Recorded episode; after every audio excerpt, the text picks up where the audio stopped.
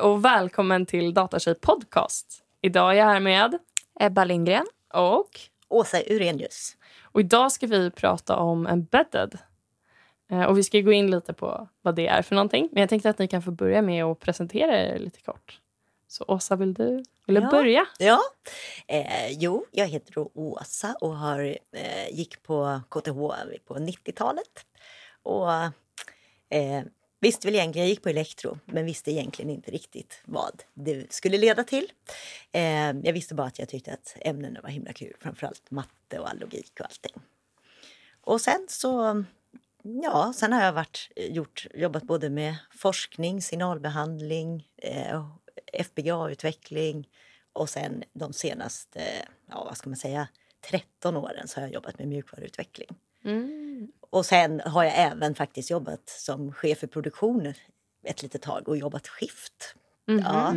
Så jag har gjort väldigt mycket olika saker. Men jag liksom är, hårdvaruproduktion så? ja, eller? eller? då var det i, det här, vad hette St. Jude Medical, det gamla, eller Pacesetter hette det ett tag också, Siemens Elemas pacemakeravdelning. Aha, så man gjorde såna här elektroder som man har inne i hjärtat. Ja. Jag hade hållit på att jobba jättemycket med pacemakern och defibrillatorerna. Ah, okej. Men så behövde de stöd i produktionsmiljö där man gjorde sladdarna som man har inne i kroppen. Och då tyckte jag det verkade jättespännande och i renrumsmiljö att vara chef för två team där. Ja.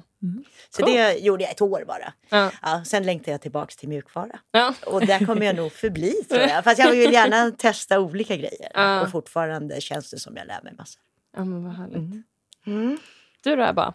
Ja, ja, jag har inte pluggat för så länge sedan. Jag gick ut 2020. Så det känns ju kul att vara här med någon som har väldigt mycket erfarenhet. Men jag pluggade faktiskt maskinteknik.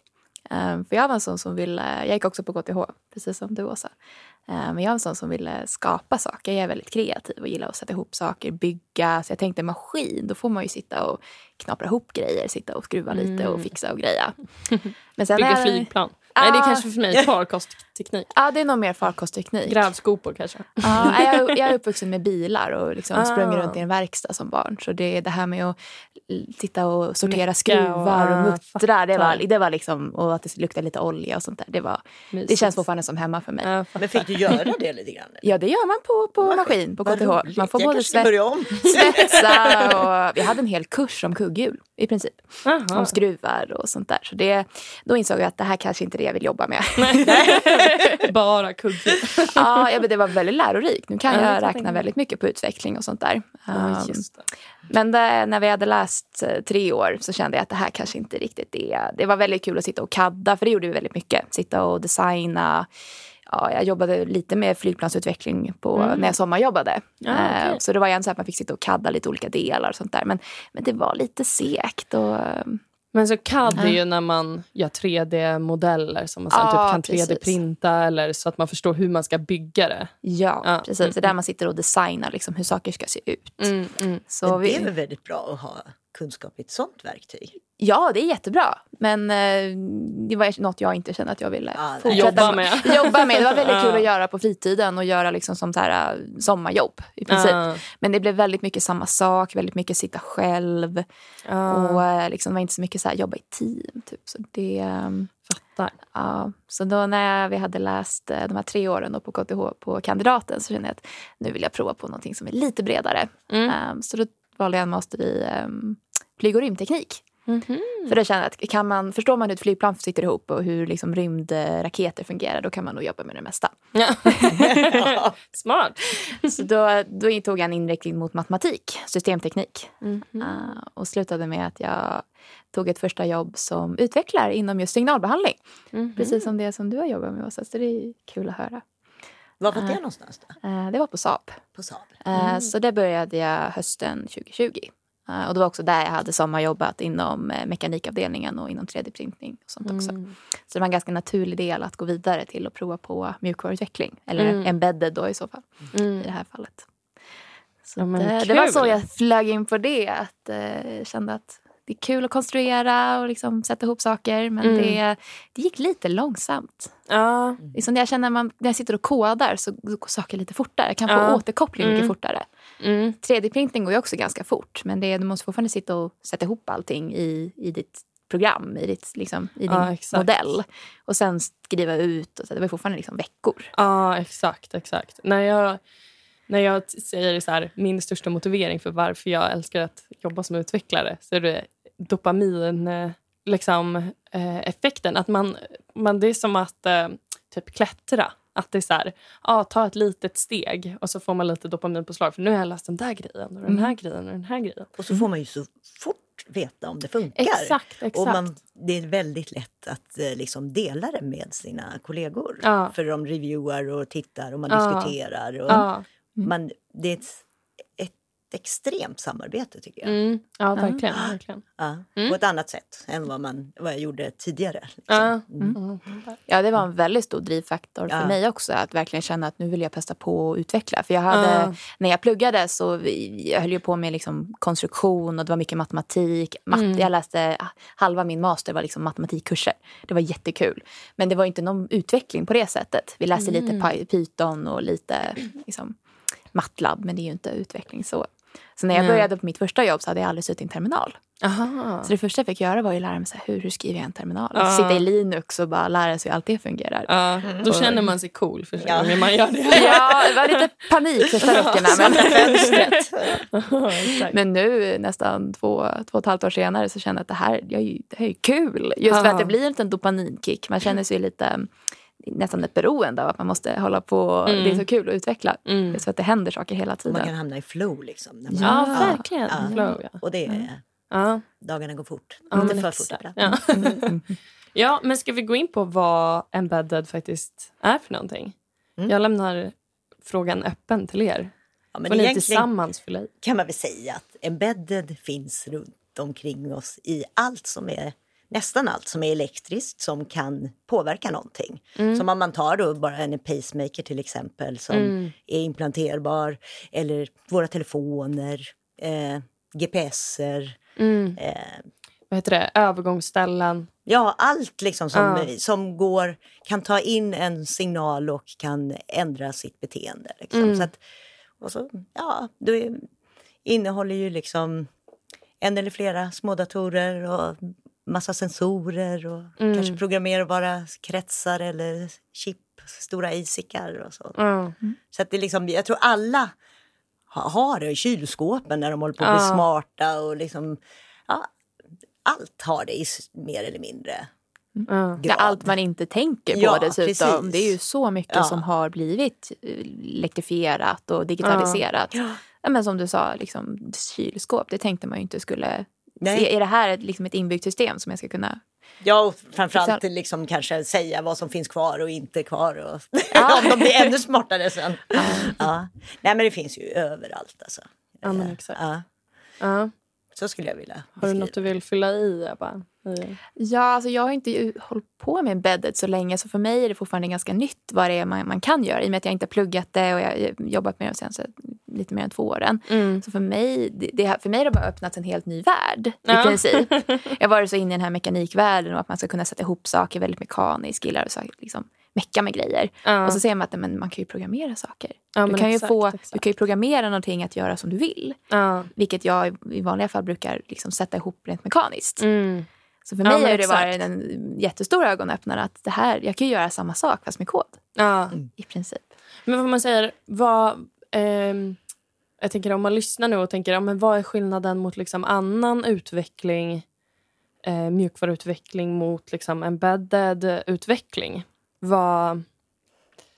Ja, men dels så är det ju, om, om man bara tänker på frontend-utveckling eller någonting, då är det ju du som användare som styr, eh, eller som styr vad som ska hända och så vidare. Men här är ju så mycket, om man bara tar en pacemaker, den ska ju liksom eh, ta in signaler, har hjärtat slagit, slår den med rätt frekvens, är kraftslagen tillräckligt kraftiga? Det är så Ja. mycket som den då liksom ska avkoda och bestämma vad den ska göra av det. Mm. Ja, och att det liksom, den lever sitt eget liv och har alla algoritmer i sig. Och, Ja. och om det här händer då ska du gå in och hålla på med det här och så kan du programmera lite inparametrar kanske när du sätter in den här pacemakern och så vidare. Så det, det är innehåller det- så mycket mer än vad du ser.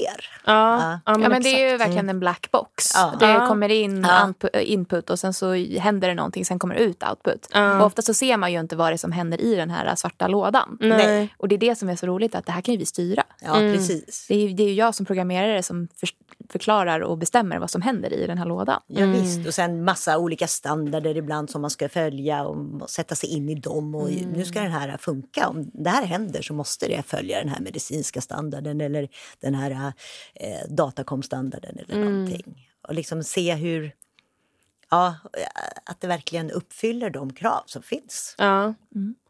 Ja, cool. Jag har faktiskt läst eh, tre HP embedded programmering för att jag ville ja, men efter min kandidat testa. Jag hade läst annan programmering och tänkte det kanske kan vara kul. Och så saknade jag tre HP för att bygga ihop mina valbara kurser. Jaha. Och så provade jag. Men det var... Vad ska man säga? Jag tyckte att det var, att det var kul för att det var väldigt... Vad ska man säga? Ehm, väldigt konkret på något sätt. Alltså ibland när man sitter i mjukvaruutveckling som jag så är det så, här, så jobbar man i liksom ett så här, objektorienterat, väldigt avancerat språk som så här, ah, du måste ha en sån här controller som ska göra si och jag ska göra så. Medan här kände jag att det var ganska konkret vad man skrev och vad som hände. Förstår ni vad jag menar? Jag, det här var ju också men undrar- tre HP. det beror ju så lite att på så. liksom, Ja, hur stora systemen är. Jo, det är Ja, klart. Det är ja, klart. ja. Men, eh, men, att det, vad ska man säga? Ja, men jag vet inte. Det tyckte Mm. jag var liksom lite skärmen med det. Att det var ändå väldigt mycket som var logik. Vilket jag kan känna Mm. ibland i programmering när man kommer för långt bort. Att det blir liksom, det är ett sätt som man gör det på. Så ska man följa en mall väldigt Ja, mycket. ja. Medan här kände jag att det var väldigt mycket konkret logik i hur man ska lösa det. Ja, jo, men det, Men det kanske bara var för att det var 3 HP. Jag vet inte. Ja, det jag verkligen gillar med, för jag är huvudsakligen C och C++-utvecklare. Ja. Eh, Och det jag verkligen gillar med det är att det är så mycket kontroll. Ja. Jag bestämmer själv vad det är för typ, hur jag hanterar minnet, hur, hur, vilket data ska jag ha här och vad ska jag skicka den någonstans. Och Ja. Det är jag som bestämmer vad som händer. Ja. För det har jag märkt när jag suttit och programmerat lite i Java, att där är det väldigt mycket som händer liksom bakom hudden i princip. ja, exakt. exakt. Och det, då vet man inte hur, men vad händer med den här. Liksom? Ja. För det finns en garbage collector och allting bara... Ja, Det är också kan väldigt vi, bra. Det kan vi beskriva lite. Men att man faktiskt, i, I vissa språk måste man faktiskt skriva var i minnet saker ska sparas. Och så vet man att det ligger där och så måste man själv, om man vill ta bort det, ta bort det. Medan i till exempel Java då, så behöver du inte säga vart det ska sparas utan det löser språket och kompilatorn själv Mm. och collectar, garbage collectar då, slänger sånt som du inte längre använder. Ja, och det är ju, det är ju väldigt... Det är väldigt skönt. bra. Det är väldigt skönt.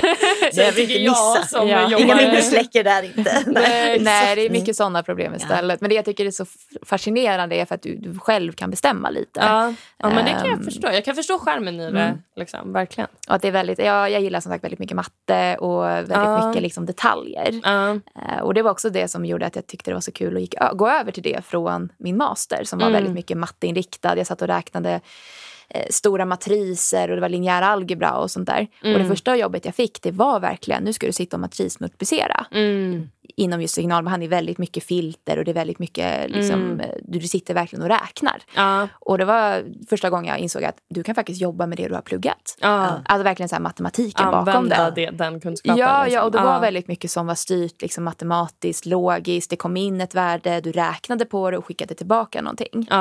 Ja, Och det tyckte jag var väldigt fascinerande. Att, men det här, det är faktiskt, det finns system som räknar. ja. Det är inte en funktion i ett inbyggt liksom, system, vad säger man, i typ Java, att det finns ja, färdiga exakt, funktioner. Finns, ja, exakt. Utan här behövde du implementera det. Liksom. Ja, ja, göra så här matrismultiplikation för att det ska gå fort. Ja, exakt. För det är ju också lite skillnaden om man sitter Mm. Som jag där det kan köras in cloud och man kan bara, ja men den ska ha 64 ram, den ska ha så mycket processorkraft, det ska finnas jättemycket. Ja, men du har om- alla möjligheter. Exakt, Ja. jag behöver inte tänka så mycket Nej. på att liksom paketera att det ska gå efter. Det ska gå snabbt. Så, Användaren ska inte störas av att en beräkning går långsamt. så. Men jag kan ju styra det med att ge den mer resurser bara i så fall. Ja, Men ja. den möjligheten har inte Nej, nej, nej, det är väldigt Nej, nej. begränsat både på energiförbrukning Ja. och eh, minnesåtgång. Ja. Det tycker jag man Ja, och ständigt tid diskuterar. också. Att man måste hinna Ja. svara inom en viss tid. Ja, och visst, så. eh, realtidseffekten. Ja, precis. Gud, gud, ja, vi sitter ju inte på en server och kopplar Nej. upp oss. Liksom, utan man, det är också det jag tycker är så fascinerande med inbyggda system. Att det är en, det är en liten mackapär. Du har bara det här utrymmet. Ja, typ en exakt. telefon. Du kan inte gå med ett batteri bredvid telefonen. Nej. Även om man gjorde det förr i tiden. ja, men det är bara det, det utrymmet du har. Ja. Och du kan inte be om mer för det finns liksom inte att Nej, koppla upp sig mot det. Nej. Så då måste man verkligen vara så effektiv det bara går med Ja, sin exakt. utveckling. Exakt. Och jag är väldigt driven av effektivitet. Så Ja. det här, både att hålla på med matematik och liksom effektivisera. Tänk Ja. då på pacemakern, de batterierna ska hålla i åtta år. Ja, Ja. det Utan måste man ju ha Exakt. Ja, Men då blev det också, utveckling. man har ju operativsystem i de här. Alla, och där var det för att bli så effektiv som möjligt så var det ju ett helt hemmabyggt Operativsystem, ja, Ja, för att liksom inte, för att optimera. Ja, bara Allting. ha det Ja. precis man Ja, behöver. precis, liksom. precis. Ja, men de är inte beroende av någon annan heller. Med massa Nej. Nej, då kan man uppdateringar och ja, alltihopa. Ja. Skala bort allt annat. Ja, gud. Ja. Det, jag ser skärmen i det. Jag själv bara, åh, åh, gud, de här beroendena av när det kommer någon uppdatering. Begränsningar. Ja. Ja, Ja. exakt. Sitter och bara, det här pack paketet behöver den här versionen av den här grejen. Men det här paketet, den måste ha den här versionen av den här grejen. Bara, åh. Ja, det har vi ju väldigt mycket problem med där jag sitter just nu. För vi jobbar med flera olika typer av operativsystem. Så vi är både beroende av Windows, Linux och Android i princip. Eh, Jag jobbar inte med VR-utveckling men eh, eye-tracking inom VR. Okej. Och då är Mm. man väl i liksom headset, som man Mm, har mm, VR-headset som man sätter på huvudet. De är också väldigt beroende av chippet som sitter på och den processorn som du har i Mm. själva headsetet. Mm. För att inte ska det bli för tungt, för du ska fortfarande kunna ha den på huvudet. Mm. Så ja, du kan inte ha för mycket batteri i princip. Nej. Så för att optimera det så, ja, det måste gå fort i princip. Ja, ja. Och dessutom så har vi olika, mm, det finns olika typer av headset. Mm. Så det måste både vara Windows, det ska finnas för Ubuntu, det ska finnas för Android och så måste allting funka för samma. Mm. Annars måste man ju ha olika versioner för allting. Ja, det Ja, är med samma mjukvara där. Ja, precis, liksom, med samma mjukvara. på. Ja. Det vill man ju inte ha. Då är det ju, måste du ha tre versioner av allting hela tiden.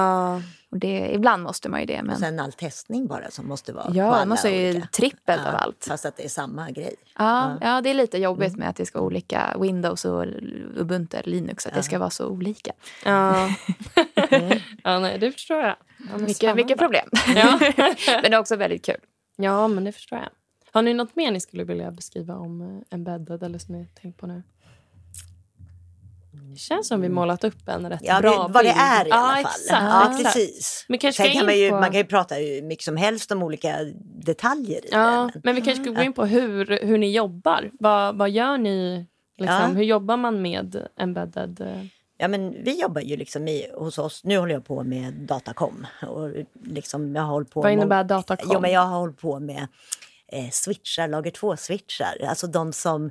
Eh, om man tänker i Ja, stora... ja, precis. Bara, gud vad tråkigt. Det är lättare att prata om snarare att jag inte vet vad det är. Ja, men om man tänker all vår, allt vi gör med telefoner, med datorer och allting. All Mm. den datatrafiken ska ju eh, kommuniceras med någon. Eller tas om vi titt, streamar en film eller Mm. vad som helst. Så ska ju liksom den från någon server ska den ju komma dit den ska. Och Mm. då måste det, eh, den här datatrafiken färdas i, över fibrer och i luften och Ah, överallt. mm, mm. Och då så håller jag på med eh, en produkt som man liksom kopplar in fibrerna i då, då och sen Okej. så färdas den här eh, trafiken ja, över hela världen. Mm. Eh, de systemen finns eh, överallt. Bland annat så används de för Eurovision och för fotbolls-VM och allt möjligt. Så att, och då måste det, om en fiber går av så måste den ju datatrafiken utan att någon märker det styras om och sådana där. Och det där är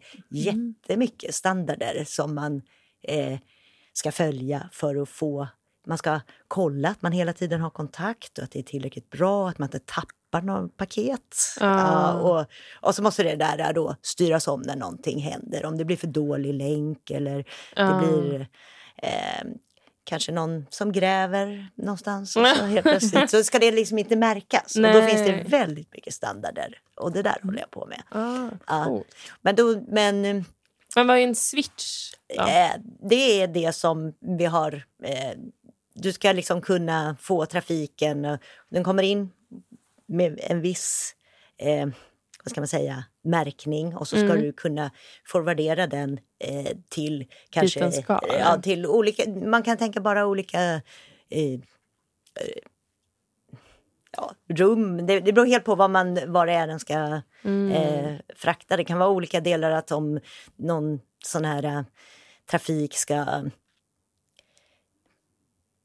Ja, från ett ställe i Frankrike och så ska den upp till... Eh, Men så den, det är Ukraina liksom eller- att den, som en vidarebefordrare som ja, tar emot precis. och skickar den. Den skickar, ja, den Ah. ska, och den kanske till och med ska till massa håll. Ja, Ja, ja. och så, Men som kan Ja. förstå och läsa det. ja, Ah, precis. okej, fattar. Mm. Mm. Mm. Ja, Ja, spännande. så, och, men du frågade om en, hur en dag ser Ja. ut. Ja. ja, men då jobbar vi i team och så, så har man väl liksom en... Eh, nu ska vi göra det här i kanske ett år eller ett halvår. Mm. Ja, och så, så vi ju sprintar, vi jobbar i skrum. Och, Mm. och man eh, planerar upp kanske tre veckor Mm. vad man ska göra. Man har såna här eh, morgonmöten varje dag. Det är Mm. precis som jag har hört när du har haft eh, andra utvecklare här, Ja. frontend och backend. Det är likadant. Ja. Och man... Eh, vi delar ner uppgifterna och sen så är det alltid så man jobbar med alla de här Gira, kom, eh, Bitbucket, Jenkins, Ja. eh, allting för att om man ska börja liksom med en uppgift så för att få branscher i Git och, och utveckla på och sen så skickar man upp till en pull request. Att man reviewar varandras grejer och Mm. kom, kommenterar och tittar och sen så har vi då branscher, masterbranscher så att man skickar in bara det som verkligen alla tycker att det här är, stämmer och det är bra. Så Mm. det är väldigt likt annan utveckling tror jag Ja, också. ja. Men sen håller vi på och bygger och testar och laddar på på våra produkter. Och Ja, sådana saker. exakt. Mm. Mm. Skulle du säga att det är likt hur du jobbar? Ja, jo, men ganska likt. Men jag menar, det är ju det nya arbetssättet inom Ja, utveckling. ja. det är, Även vi på Embedded jobbar som alla andra. Det är inte annorlunda där. nej, nej, men verkligen inte. Det, det som är annorlunda, för min del i alla fall, just för att jag sitter med, eh, jag sitter på ett mikrochip i princip och Mm. lägger mjukvara på det här lilla mikrochippet som är typ en gång en centimeter. Mm. Att Jag, jag måste koppla in det i min dator om jag ska provköra någonting. Ja. Så jag är liksom lite beroende av hårdvara när jag har min vardag, liksom när jag ska det. testa saker. Mm. Men vi kör ju också skrum. Jag sitter som scrummaster i mitt team nu också.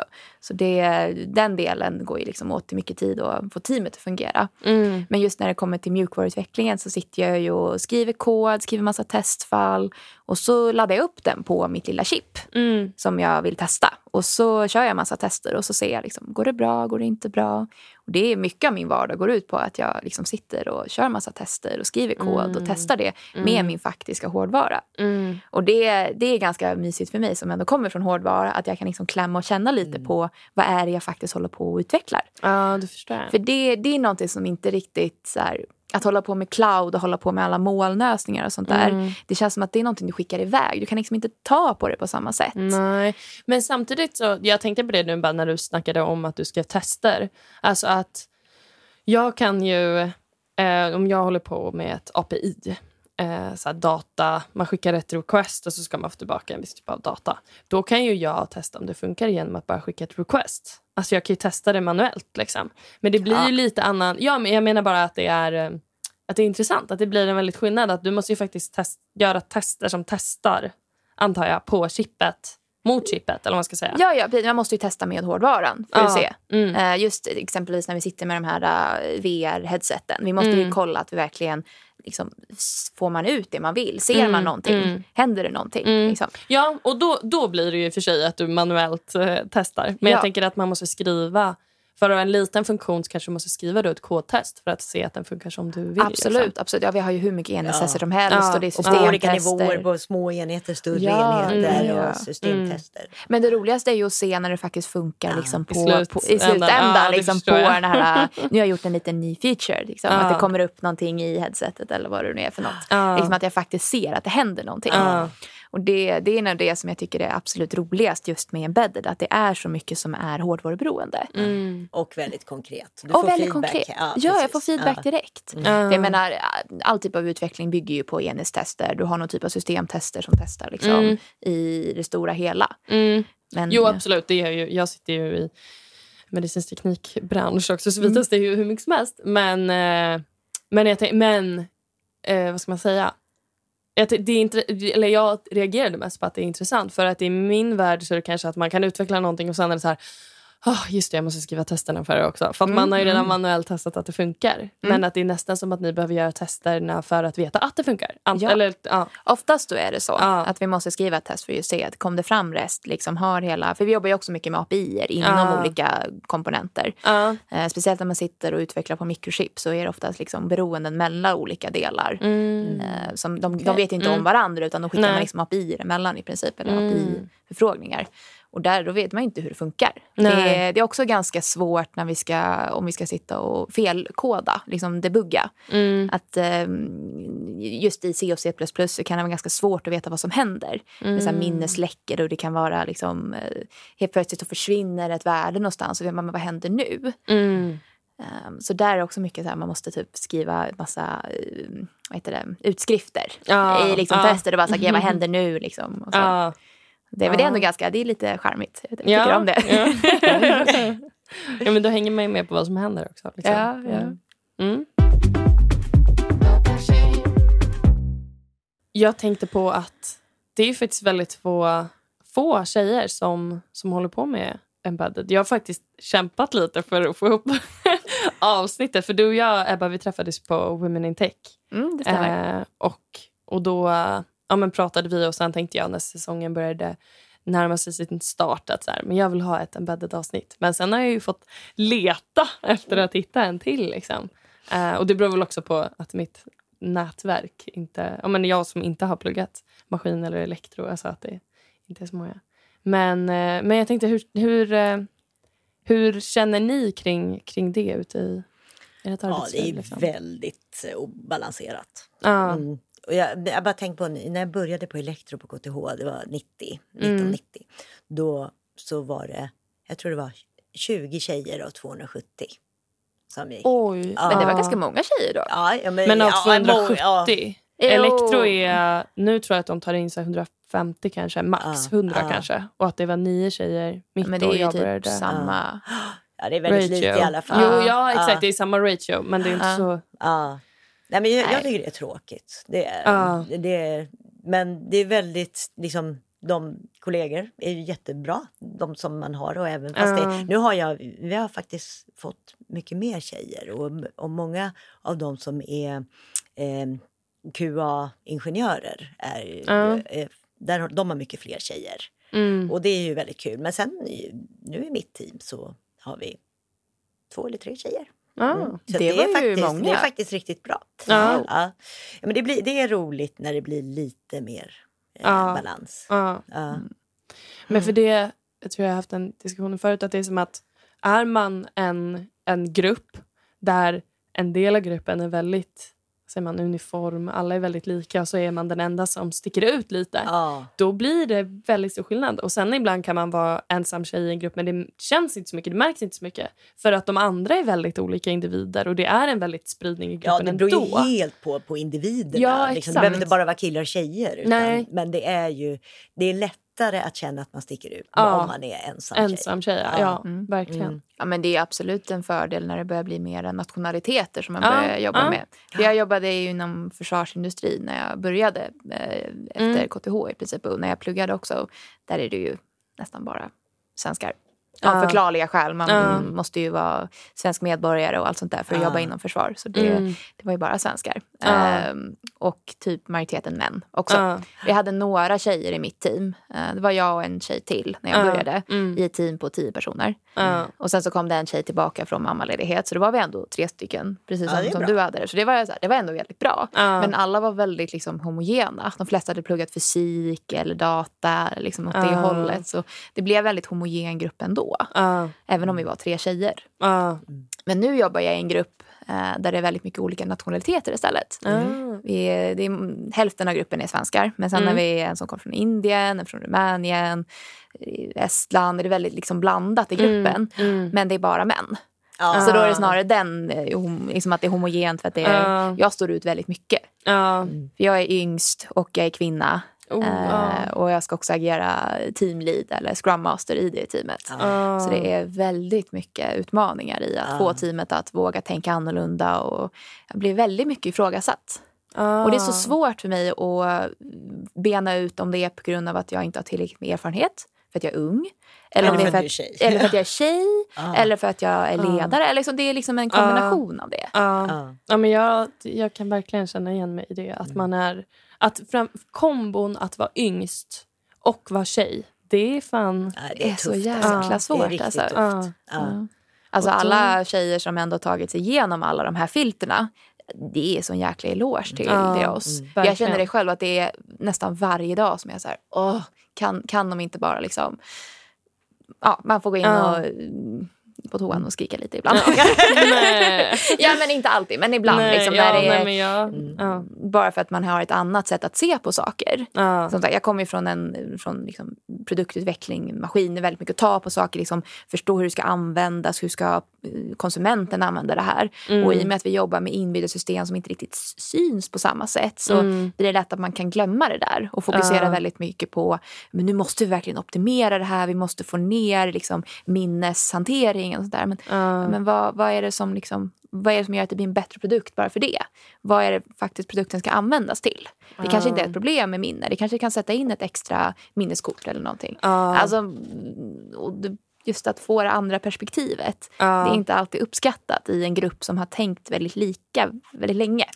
Gud. Det där, jag tror att typ jag hade... Eller nej, det var, en, det var inte i podden. Det var en annan eh, en kompis som jag chattade med om att så här, eh, bromsa optimeringen tills att det är ett problem och måste optimeras. Att en del, en del älskar att optimera så mycket att de gärna vill optimera fast att mamma men vi behöver Behöver inte, inte optimera. mer. Nej, det räcker. Vi har Ja. Vi har tillräckligt. att Liksom. göra. Ja, Exakt, det finns exakt. mycket annat att fokusera Ja. på. Och det är så Ja. svart för vissa som är väldigt nitiska. Liksom, Ja, att det, är så, det ska bli Vi perfekt. får det perfekt. ja, Ja. det ska bli overengineered. Det är Ja. mycket sånt. Ja.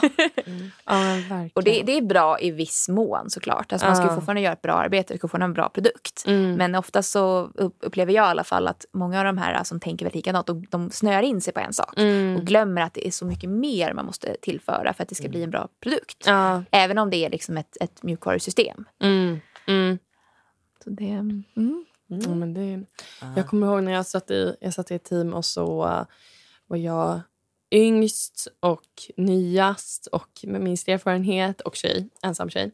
Och att det var lite så här, ja, eh, jag bara, men jag kan göra den där grejen. Så bara, nej, men eh, nej, gör inte det. Eh, jag kan fixa det, var det någon liksom, äldre kollega så som lite var. Och jag bara så här, ja, jag tänkte att de vill väl kanske att jag ska lära mig mer innan jag börjar med det. Eller något sånt där. Ja. Och sen så började en kille i min ålder i teamet. Och han fick direkt. Ja, bara, ja men du kan väl lösa det Men där. sa du något då? Nej. Nej. Nej. Men då att- är man ju en bitch. Ja, Eller liksom att exakt. man är, man är ju jobbig. Där är Ja, och sen så gick det kanske en månad och sen fick jag också eh, hålla på med det systemet. Så jag bara, varför fick jag inte göra det från början? Och sen blev det jättemycket bättre det här teamet för att det kom in en kvinnlig projektledare och så vidare. Eh, men det, jag var så frustrerad. För då kände jag verkligen, det är bara för att jag är tjej. Ja. Och det är ju, det är ju jättesvårt att konfrontera kring det. För jag tror ju garanterat att de här alltså, männen bara hade varit så här, nej, det var på grund av den här andra grejen. Och jag skulle ändå in och peta där. Eller liksom, Men det, de är ju inte medvetna om det här Nej, beteendet. de har ju exakt, aldrig varit med om exakt. samma sak. ja, De har ju alltid varit den som har fått liksom privilegiet att bli Ja. serverad med något Mm. eller få prova Precis. på någonting. Och vara normalen på Ja. Ja men verkligen, det är, den, det är den och vi utgår ja. ifrån. Ja. Liksom, det var ju det jag tänkte när jag pluggade. Att, ja men vadå, utvecklare eller liksom data. De som Mm. pluggar på data det är ju en, en typisk utvecklare. Hur ser de ut? ja exakt. Mm. De, Och de så- vet man ju hur de såg ut. Det är ju det är en ung kille som, Ja, I tror, hoodie, i hoodie som med någon fläck på. Ja, som inte har klippt sig eller rakat sig på länge Ja. och liksom luktar lite illa. Så här. Det var ju inte... cola. Ja, precis. Det är ju inte riktigt den personen som jag ser mig som. Nej, Inte alls. nej, nej, exakt. Så jag menar, det är det man alltid jämför sig mot. I alla fall som jag jämför mot. Mm. Och säger att det här är det idealet jag måste vara. Mm. Och det, det har jag bara blivit slagen av att men det behöver inte vara så. Nej. Nej. Men de här männen de, har ju liksom, de lever ju fortfarande i det här. Och tror att men det här är det Ja. de ska mötas emot. Ja, men och, och det som jag kan känna mycket att man måste vara... ja, men lite det här, så här eh, vi har nått jämställdhet när man inte behöver vara bättre än en medelmåttig eh, vit man och ändå bli accepterad. Ja, Att det är så här, man att måste vara- inte vara bättre. Nej, att man känner Ja. jag måste vara bäst. Ja. Jag måste visa att jag verkligen kan. För att annars är jag blev väldigt snabbt klassad som en dålig utvecklare. Medan en man hade varit en vanlig utvecklare som kanske inte var jättebra. Men alltså, Ja, för det känner jag när jag är ensam kvinna i teamet. Att jag får ju representera hela kvinnliga, Ja, alla visst, kvinnor. alltså. Ja. Så allt det jag gör, det är liksom alla kvinnor är sådär. Ja. Så om jag har en dålig dag, men då är det bara alla kvinnor som har PMS Ja. hela tiden. Det är Ja. så jäkla jobbiga.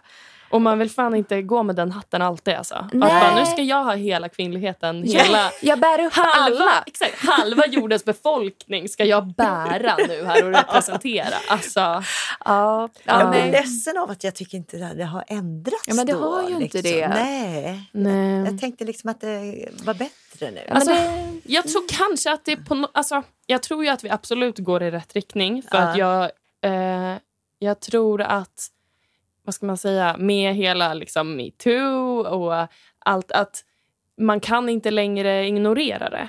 Om någon lyfter det. Jag, Ja. jag har en bild av att förut så ja, men lyfter någon att det är problem eller det här funkar inte. Och då kanske det var lite så här, ja ja, vad du är känslig. Liksom lite mer så. Och nu upplever jag att det är svårare för För någon att trycka ner någon. Ja, för Ja. någon att liksom bortse från det.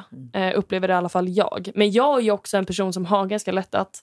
Nu sa jag inte till i det här exemplet som jag tog upp, men jag tycker jag något är fel, då har inte jag ett problem att ta upp det. Nej, det- Eller alternativt gå till min chef och ta upp det med den. Om jag känner att jag vill inte konfrontera den här Jag tror personen. det är så liksom. viktigt. Alltså. För Ja. Annars kommer det aldrig synas. Det Nej. kommer aldrig märkas. Exakt, och så Ja. går man bara och bygger upp den där Ja. klumpen i magen och så Ja. blir det bara värre och värre och värre. Och värre liksom. Men det bygger ju väldigt mycket på att chefen också är en person som kan ta emot det. Ja, och annars det- byt jobb. Byt jobb. Ja, precis. Man ska Alltså, vä- välja jag. chef, inte ja, jobb. exakt. Ja. Om, om du lyfter något med din chef och chefen inte lyssnar, byt jobb. Liksom. Ja, det är absolut. Det håller väl säkert du med om, Ja, Åsa, jag var det... faktiskt med om, fast det var innan jag jobbade som embedded utvecklare, men om Ja. en väldigt jobbig grej när jag jobbade med forskning. Ja. Och, och då, och då så till slut så blev det jag blev så utsatt så då så sa jag till min chef, hon var kvinna, men den här äldre mannen som verkligen, eh, eh, ja, han var inte schysst. Då så sa jag till min chef, om du tycker att jag har gjort fel, säg till mig att gå så söker jag ett nytt jobb. Eh, Och annars så får du säga till honom. Och jag fick ha kvar jobbet. Ja. Oh, det Så var det, var, ändå... ja, men det var bra. Så det, blev, Ja. eh, det blev bra. Men, men det var tufft. Och så var man så förstår ny jag. och var verkligen... Det var, man fick höra på omvägar att det pratades. Ja, fy. Ja, Ja. det är inte kul. Alltså. Nej, det är inte det. Och det är det man... Jag har det här... När jag var, var barn så var det som att jag trodde att... Jag trodde att mamma och pappa... Först, först trodde jag att mamma och pappa visste allt. De kan ju allt. Liksom. Och sen så bara blev jag lite äldre. Nej, men mamma och pappa kan inte allt heller. Liksom. Men, eh, men de så här, som jobbar som typ läkare och politiker och så här brandmän, de, de, De vet ju. allt. Nej, Men de vet ju i alla fall vad de håller på med. Liksom så. Och sen ju äldre så bara, ja men nu ska jag börja på KTH. Ja, men på KTH, det är ju ett gamla KTH. De har ju koll på vad de gör. Nej, alla bara går runt och gissar och gör, försöker typ så här. Ja. Och sen så har jag bara liksom accepterat. Och där känner jag att det är lite samma. Att jag nog när jag var lite tonåring och det var så tonårsgnabb och lite mobbning och lite så här. Att jag bara, nej men när man är vuxen då har ju alla mognat och slutat Ja, med det där. Precis. Men och det är sen ju bara, inte så. nej. Nej. Folk är liksom tonåringar. Mm. Och, alltså, Ja, ah. vissa växer ju aldrig upp. Nej. Ja, men det, jag blir så fascinerad vissa dagar hur folk inte kan vara mer professionella på jobbet. Mm. Jag har, jag har några liksom, som jag har jobbat med genom åren som har varit... Liksom, ja, men det har säkert du också varit med om, Åsa, att det inte kommer fram. Att det, har, men det Ja. här har inte jag gillat det med är dig. mycket eller- subtilt. Och liksom, Ja, men så här, ja. inte varit rakt tydliga med att ja, men det här funkar inte mellan oss. Eller det här måste vi jobba på. Eller liksom, det här vi Mm. gjorde. Utan det bara läggs, läggs locket på. Ja. Och inte ut... och så kommer det som sig. passiv aggressivitet. Ja, liksom. i flera Ja. veckor. Ja. Och det, det är någonting som stör mig så otroligt mycket. Och det har jag sett väldigt mycket just hos män. Jag har jobbat med några kvinnor. Så där känns det som att man ändå är lite mer öppen med varandra. Mm, Att man ändå mm. kan dela lite mer. Att, men, idag kanske inte är en så bra dag. Liksom. Jag, ändå att man vågar säga det. Och då Ja, vet alla det. Ja. det. Jag tror inte jag har haft en enda... Ja, nej, jag har inte jobbat med en enda man som har liksom på morgonmötet sagt att ah, du, men du, jag har inte sovit något bra i natt. Mina barn de mår inget bra. Ja. Liksom. Och bara, så, bara, så ni vet om jag är tjurig idag. Ja, ja. Mm. Utan det är bara, man ska bara vara tekniska. Det är Ja. väldigt mycket tekniska diskussioner. Och väldigt, Och det är väldigt tråkigt. vi är väldigt, Ja. tror vi är ändå människor. Ja. Ja, Ja. gud, ja. Så det, mitt, eh, mitt mission är liksom inom embedded. Vi måste bli lite människor. Ja. Alltså, man måste Det verkligen är kunna se- bra. Det, Det men det är så behövs viktigt. så mycket Ja. mer. Det känns Ja. som att de här, det blir som lite robotar. Ja. När de här homogena grupperna av liksom likadana människor, oftast män då såklart här, de jobbar på ett visst sätt och de, de är så måna om att bara koda. Ja, ja. Och det, nej, vi måste Och få in att lite... människan inte syns liksom, och är inte viktig. Det är nästan så att man kan vara en maskin liksom, Ja. och bara göra en bra kod. Men nu, nu tycker jag inte jag har det så i mitt team. Men perioder känner ju igen under, det. ja, Ja. så tycker jag Ja. att det kan vara väldigt... Jag är i vissa team och Ja. nästan tänker att de ska vara liksom det här mikrochippet. Ja. Kanske är Ja, det. men- Det är, nu låter det väldigt Ja. eh, liksom, Ja.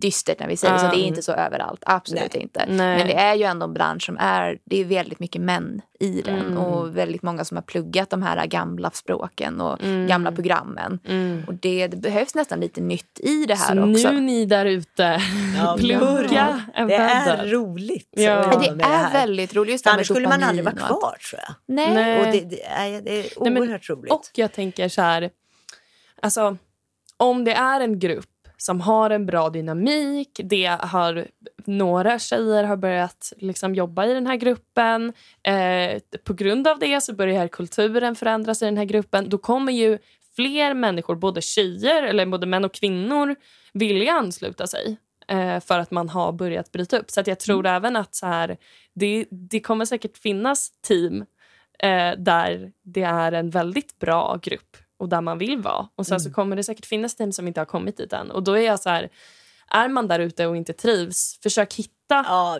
en annan position är, då. Ja. För det, de finns ju. Det finns ju team som om en, ni Ja. jobbar i så, där det, där det finns kvinnor och där det finns, eh, man liksom, där normerna har brutits lite och det är en Och det är annan lite kultur. mer uppsluppet kanske. Ja, liksom. exakt, för det är så himla exakt. viktigt för att det ska vara det där extra roliga att jobba.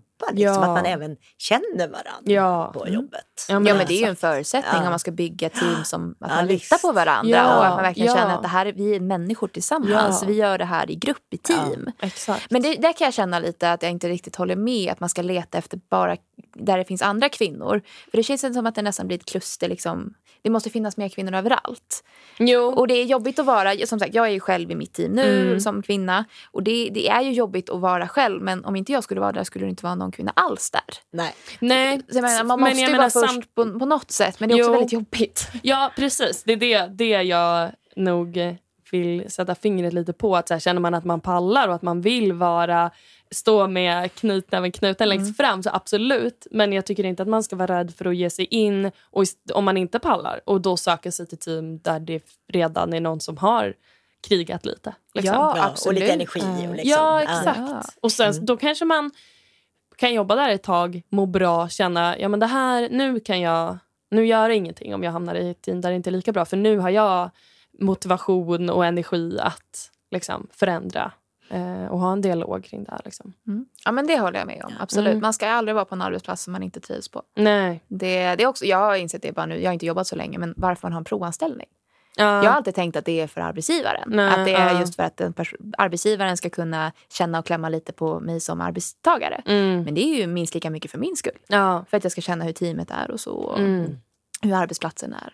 Det har Ja, jag bara insett de här senaste liksom, året. ja, men för vissa liksom, eh, processer när man söker jobb då får man ju kanske prata med chefen i teamet.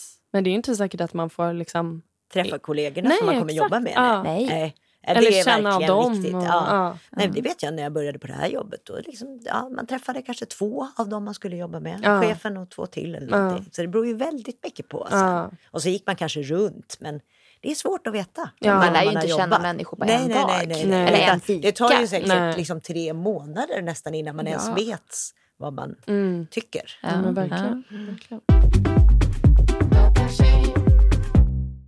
Men om vi ska vara lite, lite peppiga så tänkte jag på det här KTH Giants-citatet. Det är kanske någon annan som har sagt det förut, men de hade i alla fall på tygpåsar som man fick på KTH där det stod “The future is too important to be left to men”. Eh, och, Ja. Och det, det håller jag verkligen med om. Att Ja. vi, vi kan inte, inte negligera att vi har så mycket elektroniska prylar som vi är beroende av i vardagen. Ja. Alla har en telefon, alla har en dator. Det finns hur mycket som helst som vi är liksom Och i beroende av. hemmet är fullt av det. Liksom. Hemmet är fullt av Mm. allt. Det är, liksom, det är Allt. larm, det är bilen, det är Mm. liksom... Det, det kan, jag kan komma på hur många saker som helst. Och det bara utöver. ökar. Det bara Mm. ökar. Vi blir ju digitaliserade mer och mer. Mm. Och alla de här produkterna bygger ju någonstans på ett inbyggt system. ja, Det, är, det här är liksom det som embedded-utvecklare jobbar med. Just de Ja. här sakerna som Ja. vi blir så otroligt beroende av. mm, Och så som det ser ut idag så är det majoriteten män som jobbar med de här typen av utveckling. mm, Och det betyder ju att de också får styra väldigt mycket hur behovet ser ut och liksom Ja. hur det ska se ut och hur det ska användas. Och, ja men exakt. och det, Ja, det är inget bra. Det är inget Nej. bra. Och jag tror faktiskt att vi är lite sämre i Sverige än om man jämför. Jag har många indiska kollegor ja, och Ah. jobbar med Indien och så. Där är det väldigt mycket mer tjejer som Mm. jobbar med embedded-utveckling. Eh, så att jag tycker, jag fattar inte, vi måste få igång det. Ja, Ja. jag förstår inte heller. Alltså, jag förstår ju själv. För jag pluggade ju som sagt inte data för att jag tänkte att jag såg inte ut som den här typiska datalogen. Det var, jag Mm. kände inte igen mig i det. Men nu när jag jobbar med det så inser jag att det här är ju precis det jag ska hålla på med. Ja. Jag älskar matte, jag älskar fysik, jag älskar att hålla på och ta på saker och känna att jag utvecklar en produkt. Mm. Och det är precis det man gör som embedded-utvecklare. Det är Ja. väldigt mycket logik, väldigt mycket matte. Inte alltid, men det kan vara det. Mm. Och just att sitta och utveckla någonting som jag ser att någon annan ska använda som Mm, pacemaker, det är ju livsavgörande. Och bil, alla behöver en bil, eller inte alla behöver en bil, men det är, liksom, det är ändå någonting som vi är väldigt beroende av i vardagen. Ja, Ja, och jag verkligen. tror att om man är väldigt intresserad av logiskt tänkande och så alltså, och man har, tycker att det är kul när man pluggar i, både i grundskolan och på gymnasiet. Mm. Då tror jag man, många skulle tycka att programmering var jättekul. Ja. Mm. Ja. Ja, så att jag, liksom, det är lite synd, det blir som ett glapp efter Ja. gymnasiet. Så, så vill ingen hålla på med det här. Nej. Nej, men precis. Nej jag tänkte på det här du, eh, du sa, bara för jag har ett, ett eh, exempel på det här med att varför det blir ett problem att bara män ska hålla på med, eh, med teknik. Eh, att så här, förr så var ju läkare, eh, majoriteten av alla läkare var ju män. Och forskade och så vidare. Och jag tror inte att det var som att männen tänkte vi ska undvika kvinnosjukdomar. Vi ska forska mest på män och alla testpersoner ska typ bara vara män. Utan det liksom blir ett unconscious bias som gör att... Att det ligger det är närmast. Ja, exakt. Ja, men det är det man är van vid. Liksom. Ja, och så tar de, ja men eh, vi behöver en testgrupp för den här studien. Ja, vi tar de här eh, läkarstudenterna för de ställer upp. Ja, det är bara män. Mm. Så då är liksom jättemycket, det är fortfarande idag så ligger det jättemycket forskning efter på kvinnosjukdomar. Mm. Eh, och då har ändå den branschen blivit mer jämställd Ja, än vad den ja, var förut. Liksom. Ja. Eh, och, så det kanske kan vara svårt att, att förstå, att liksom se framför sig, ja, men vad är problemet om en man gör det här mikrochippet? Liksom så. Men jag tror inte att man tänkte då att det var ett problem att läkarna var de som forskade. Eh, så att jag tänker att man nog inte förstår vilka följder det kan få. Jo men det, så tror jag också. Ja. Och därför tror jag att man, nu tror jag att man programmerar mycket mer i grundskolan än Mm. vad man gjorde Mm. när jag gick i grundskolan. Men Mm. jag tror man ska öka det, för det är så stor del av våra liv Ja, sen. verkligen. Och jag tror att världen skulle vara bättre om det blev ju även mer jämställt på den här. Mm. Ja, det är, behöver inte ens tro utan det blir det. Ja. Ja. Då blir det att vi skapar en värld som är gjord för alla. Ja. Mm. För det är ju verkligen så det är nu tyvärr, att vi skapar en värld, eller de här majoriteten män som jobbar inom de här äh, domänen, de skapar skapar världen för Mm. sig. Ja. Och det är ju precis som du säger, det är ju inte menat. Nej. Det är inte så att de tänker att nu ska vi bara skapa en värld som är gjord för män. Nej. Bara det här med att ha en, en bil som är gjord för, för män när det Mm. kommer till vikt och form och Mm. sånt där. Det är inte så att de aktivt tänker på det. Nej. Nej men och om, om vi tänker oss, om, om världen hade varit tvärtom, om det hade varit kvinnor som var män, alltså liksom så, Mm. då tror inte jag att telefoner hade varit lika stora. Du tror inte det? Nej. Fast Alltså de har att- ju verkligen gått i olika... Jo, men jag tänker att just touchskärmen och en stor mans hand. Ja, du menar handstorlek? Ja, ja. ja. Det, jag tror att det, hade- standarden hade varit lite mindre eh, än vad den är nu. Ja, ja, nu måste man ju nästan ha två händer bara för att en att hålla i en och peka med. Ja, exakt. Speciellt de här, så här stora pro-varianterna. Ja, så gud, det är att ut Ja. med en padda i fickan. Ja, exakt. exakt. Och där tror jag att då hade man bara, nej, så här stor kan vi inte ha den. Det går ju inte.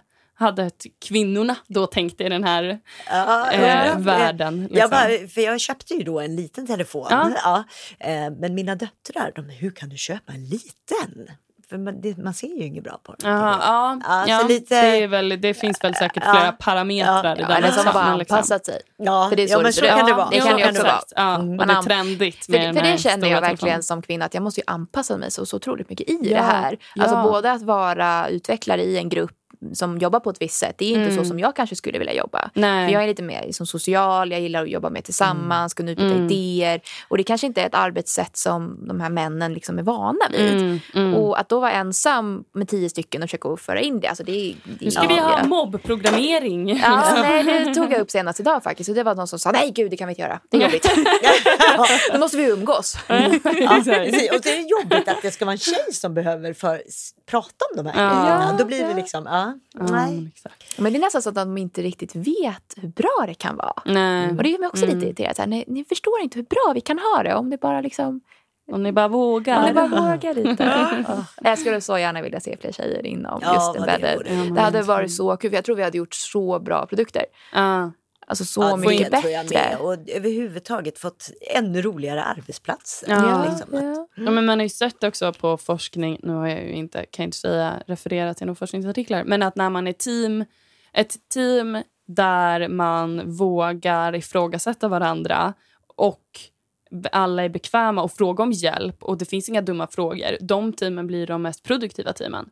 Mot när man känner, nej men jag vill inte fråga den här frågan för att då kommer jag få en liten, ah, ja så här funkar det. Liksom. Eh, och det fattar man ju verkligen.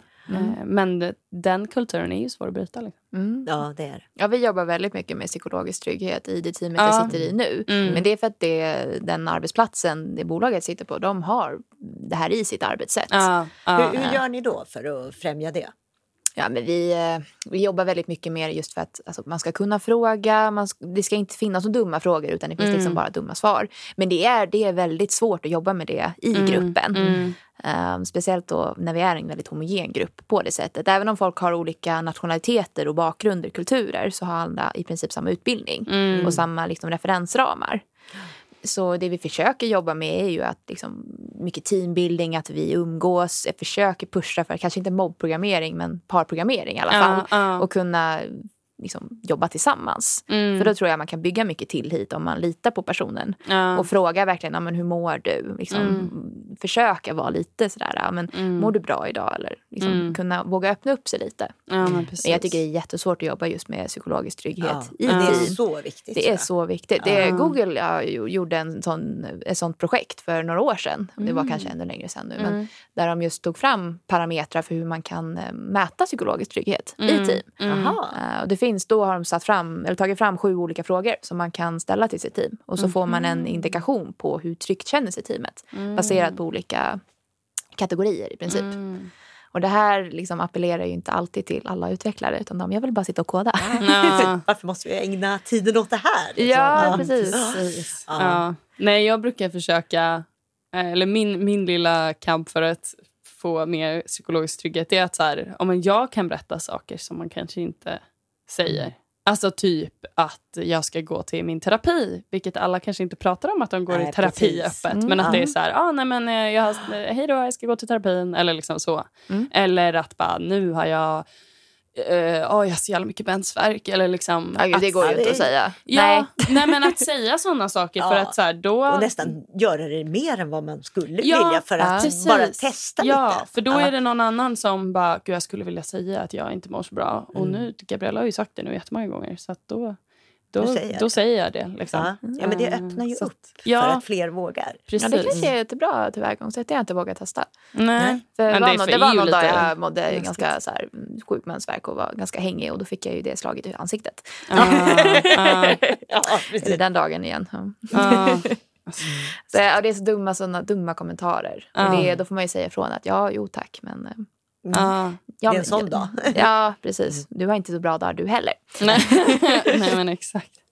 Ja, gud. Nej, det, det är svårt. Och det är svårt att säga ifrån. Jag kan... ehm, jag brukar försöka säga ifrån när jag känner att det blir frågor eller så här på lunchen. Att det blir en så här, toxisk diskussion kring mat. Eh, för att jag kan ha ganska svårt för det. Men, eller att det blir så här liksom... Eh, ah, nej, man måste ju gå ner lite i vikt eller liksom Jaha, såna grejer. ja, ah, nu ska jag äta nyttigt. Och, Mm. Då brukar jag vara ganska så här, nej, det, så, nu får, så får man Nu inte äter säga. vi Eller lunch här. Ja, men exakt. Och bara, du vet, du vet inte vem här som kan sitta med en ätstörning liksom, eller så. Nej, men det känns nästan som att många av de här männen inte är så medvetna Nej. om vad som händer runt omkring Nej. och hur andra människor kan agera Nej, och vad de har för precis. känslor och vad som Ja. händer. Ja. Vad som händer. För alla har ju saker som händer i deras liv. Mm. Och det är, på, det är ju det man tar med sig till Mm. jobbet. Jag menar, Mm. du jobbar åtta timmar om dagen i snitt. Så jag menar, Mm. det är ju bara en tredjedel av livet. Ja, De andra två tredjedelarna, det händer ju så mycket. ja, Och min upplevelse är att många män inte tänker på det. Att nej. de har ju också sitt bagage, men Mm. de nästan glömmer att ja, men vadå, den här personen har ju också ett bagage. Ja. Och vadå, det kan vi inte göra något om jag berättar om mina konstiga idéer jag har på mig med min diet. Eller liksom, alltså det blir, ja. Ja. Och bara är det något man behöver lyfta på ett sånt sätt? Och, ja. Men jag tror att det skulle bli mer såna liksom, dynamiska diskussioner om det var mer jämställt. Mm. Om det var väldigt mer blandat och att man skulle kunna ta upp såna här trygghetsfrågor och känna men nu blev du ju ifrågasatt. Var det på grund av att jag var ensam tjej eller liksom tjej? Eller är det för att jag är Mm. oerfaren? För det, det tampas jag med nästan varje dag. Ja. Mm. Det här konstanta ifrågasättandet. Och det kommer ju Mm. inte bara yttre utan det är också från mig själv. Mm. Mm. Väldigt mycket Ja, liksom. imposter syndrome Ja. emellanåt Och i då är det jättesvårt att stå på sig. När man blir Ja. ifrågasatt och också tvivlar lite. Har jag rätt? Då blir det ju Ja. jättesvårt att, att stå på sig. ja, Liksom. när man tvivlar själv. Liksom. Ja, Mm. ja, men verkligen. Men det är någonting jag ändå vill att eh, de som lyssnar tar med sig. Att jag, jag, sagt, jag kommer från en helt annan bakgrund. Jag har pluggat helt andra saker än det jag jobbar med. Mm. Och det går. Mm. Det är, vi måste bli fler som jobbar Ja, inom den här verkligen. branschen. Mm. Och det bara för att du inte har pluggat någonting behöver inte det betyda att du inte kan jobba med det. Nej. Utan det, är bara, det finns många vägar till det. Det och man kanske inte ens jättemånga. vet att man tycker det är kul. Nej, Så att men det- precis. precis. Man vågar prova. Mm. Ja. Man måste våga För prova. så var det för mig. Jag bara, åh det här vill jag fortsätta med. Ja. Ja. Eftersom Wow. jag ändå hade provat en massa olika grejer. Ja. Så att ja, jag bara känner att det finns så mycket roligt här. Ja, men jag Ja. håller med. Jag är ju hooked. Alltså, nu, nu ska vi fortsätta. Liksom. ja, men fan nice. Ja. Ja, tack för idag, hörni. Eh, det var ju super... Tack Blev- för att man fick komma. Ja, Ja, tack så mycket. tack för att ni kom. Jag tycker det var superhärliga diskussioner vi har haft. Eh, men om någon som lyssnar skulle vilja höra av sig till, till er, hur, hur når man er då? Mig når man nog bäst på LinkedIn. Ja. Så eh, Ebba Lindgren ehm, på LinkedIn. kan ni Ja. hitta mig där. Jag, Jag lägger, en, jag lägger en länk Ja, i det är bra att lägga in en länk. Det jag svarar gärna på frågor. Vi Ja, måste, vi vill ha så många fler tjejer. Det är så Ja, mycket roligare att jobba då. Ja. Kom och jobba med mig. De kommer jobba på vårt jobb. Ja. ja precis. Ja. Eh, och mig så når man på auhorenius.gmail.com. Tror jag Ja. är bäst. Jag finns på Super. LinkedIn också, men jag tror mejl är bättre. Ja, ja men super. Mm. Eh, och så vill jag också tacka Tom Gorren för intro till podden, till podden. Sonica Studio för att vi får spela in här. Och så tycker jag att alla som lyssnar ska bli medlemmar på Datatjej på datatjej.se och följa oss på Instagram, Facebook och LinkedIn och TikTok där vi heter Datatjej. Och har ni några frågor, förslag eller tankar om podden eller tips på gäster eller ämnen eller vad som helst så kan ni mejla mig på podd.datatjej.se. Tack!